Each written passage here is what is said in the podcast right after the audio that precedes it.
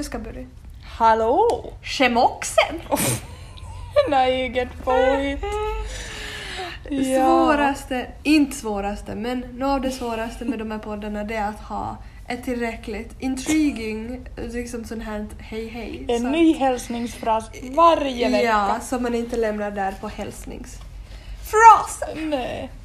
Hjärtligt välkomna till avsnitt åtta av podcasten Not best But blessed.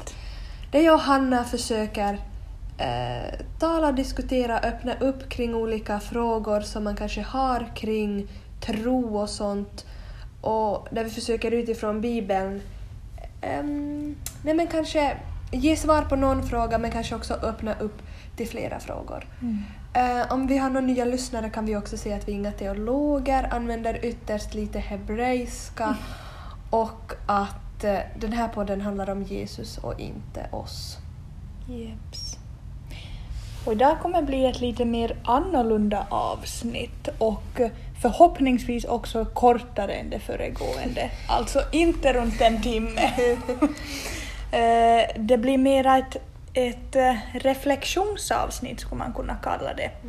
Eh, Vi kommer att dela med oss av lite bibelställen och lite frågor och tankar eh, som man sen kan fundera på. Ja.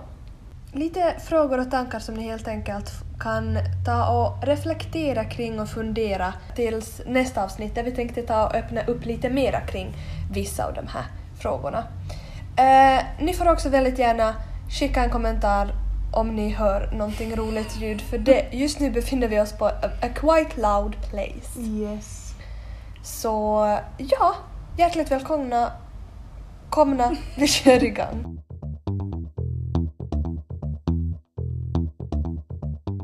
Och den tanken som vi tänkt dela med oss av här idag så är vad behöver du ge upp ifall du vill komma närmre Gud? Oh. Mm. En ganska tuff tanke, eller kanske en tanke man inte alltid tänker så ofta, i alla Nej. fall inte jag. Vi tänkte eh, ta upp lite olika bibelställen och nog dela lite tankar och, och lite så här öppna upp Mm. det här temat, inte bara lämna er med den här Nej. frågan. Men sen, sen tänker vi nog också lämna det liksom för er att, att be, om, be kring det och fundera om ni, om ni vill.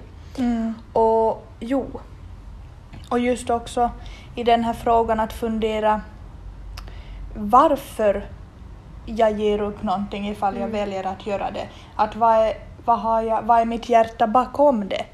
superbra tanke det där att vad ligger liksom bakom att du tänker att det här är kanske någonting jag borde ge upp för att komma närmare Gud.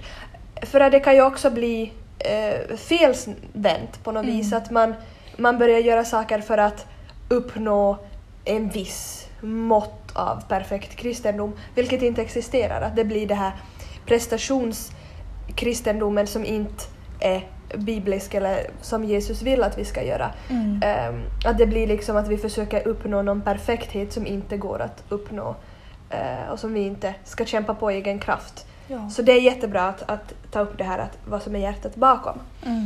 Eh, jag tänkte läsa från första Samuelsboken 16.7.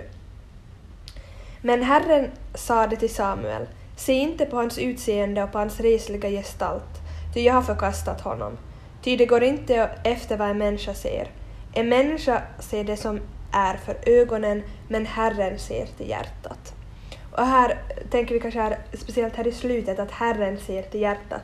Än en gång så talas det om hjärtat i Bibeln. Mm. Eh, och som vi har återkommit jag nästan i varje avsnitt, att allt på något sätt börjar där i hjärtat. Har vi bjudit in Jesus i våra hjärtan? Har vi låtit honom påbörja en process i våra hjärtan?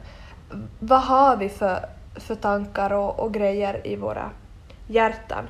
Och här så står det att Herren ser till hjärtat. Det är det han ser på. Han ser liksom inte på om jag har det perfekta håret och ögonbrynen och de största musklerna och det perfekta hemmet och allt det. Herren ser till hjärtat. Mm. Och eh, där tror jag också vi får eh, som kristna också se till våra hjärtan Mm. och ta hand om våra hjärtan.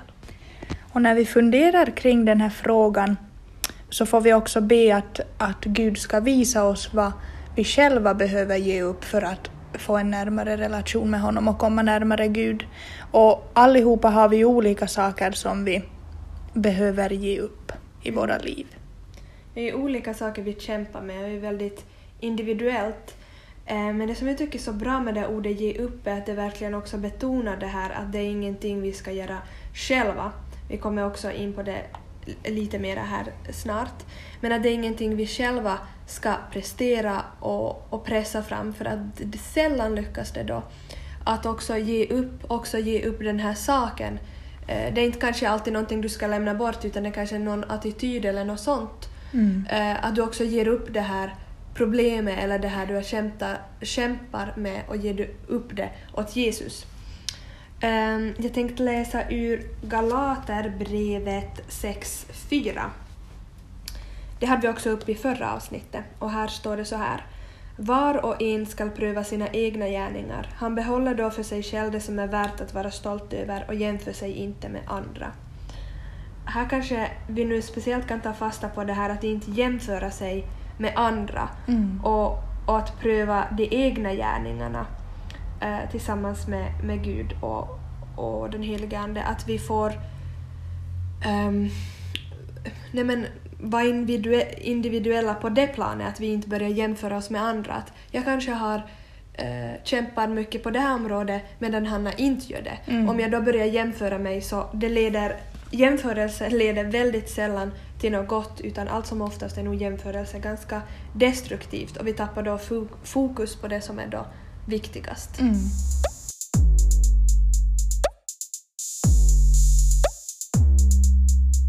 Som Petra här redan tidigare nämnde så eh, kan någonting av det här som vi ger upp vara att vi en sån sak att vi jämför oss mycket med andra.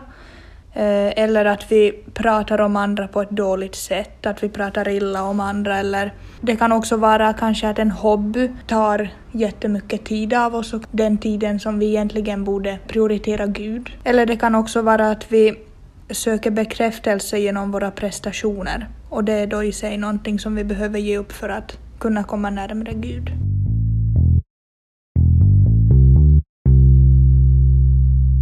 I Galaterbrevet 5, 22-23 står det så här. Andens frukt däremot är kärlek, glädje, frid, tålamod, vänlighet, godhet, trohet, mildhet och självbehärskning. Sådant är lagen inte emot. I det här bibelstället så kan vi ju läsa att de här olika sakerna som räknas upp är andens frukter. Och det är kanske någonting som man lätt skyndar förbi, att man läser bara andens frukter och så dy, dy, dy, dy, dy. Och så tänker man att alla de här sakerna är någonting som jag borde uppnå. Jag borde bli mera glädjefylld, jag borde bli mera mild, jag borde ha mera godhet och självbehärskning och så vidare. Jag tror det är jätteviktigt att man lyfter upp det här när man talar kring eh, de här frågorna och det här temat som vi har här. Mm. Ehm, att det är andens frukter, inte mina frukter. Det är inte som en följd av att jag är Petra och är, är så fantastisk. Därför är jag fridfull och tålamodig och vänlig och glädjefylld och allting. Nej, nej, nej. Utan det är frukter som kommer av att jag har bjudit in Jesus och den helige Ande i mitt liv och att den helige Ande är verksam i mitt liv och eh, verkar i mitt liv och omvandlar mitt hjärta så blir det som frukter, alltså som en följd Mm. av det så kommer de här olika grejerna. Och det är ingenting som man själv kan pressa fram eller prestera fram.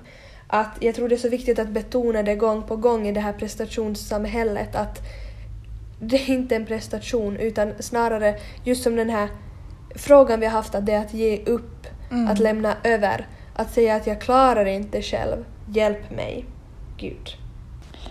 Och i Filipperbrevet 1.6 står det så här.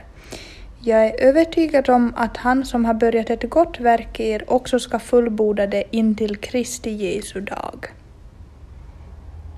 Och det är ju så att vi kanske inte alltid förstår varför Gud gör som han gör och vi kanske inte alltid förstår de här eh, utmaningarna, processerna, prövningarna, allt sånt. Vi kanske inte förstår. Men vi får lita på det här att, att Gud som har påbörjat det här goda verket i oss, det ska också fullbordas. Han kommer fortsätta fast vi inte alltid kanske förstår eller känner det. så får vi lita på det. Mm. För det är också så att, att det kanske är lätt att, att tänka att Jesus erbjuder oss eh, trygghet och självklarhet. Och ja, på ett sätt kanske han gör det, men inte kanske så här världslig trygghet och självklarhet. Eh, för att vi följer Jesus behöver ju inte betyda att vi att vi alltid kommer ha det som på det klara i livet, att jag ska göra det här och det här och, och liksom ha en utstakad färdig väg. På det sättet Mm. trygghet. Vi får ha en trygghet i att vi har Jesus med oss och en mycket djupare och det här bättre trygghet som vi på riktigt kan lita på. Men av Jesus så han erbjuder, erbjuder oss frid mitt i det här. Att fast det kanske inte alltid är så självklart runt omkring oss och det kanske stormar och det ena och det andra. Men vi får ha frid i det. Mm.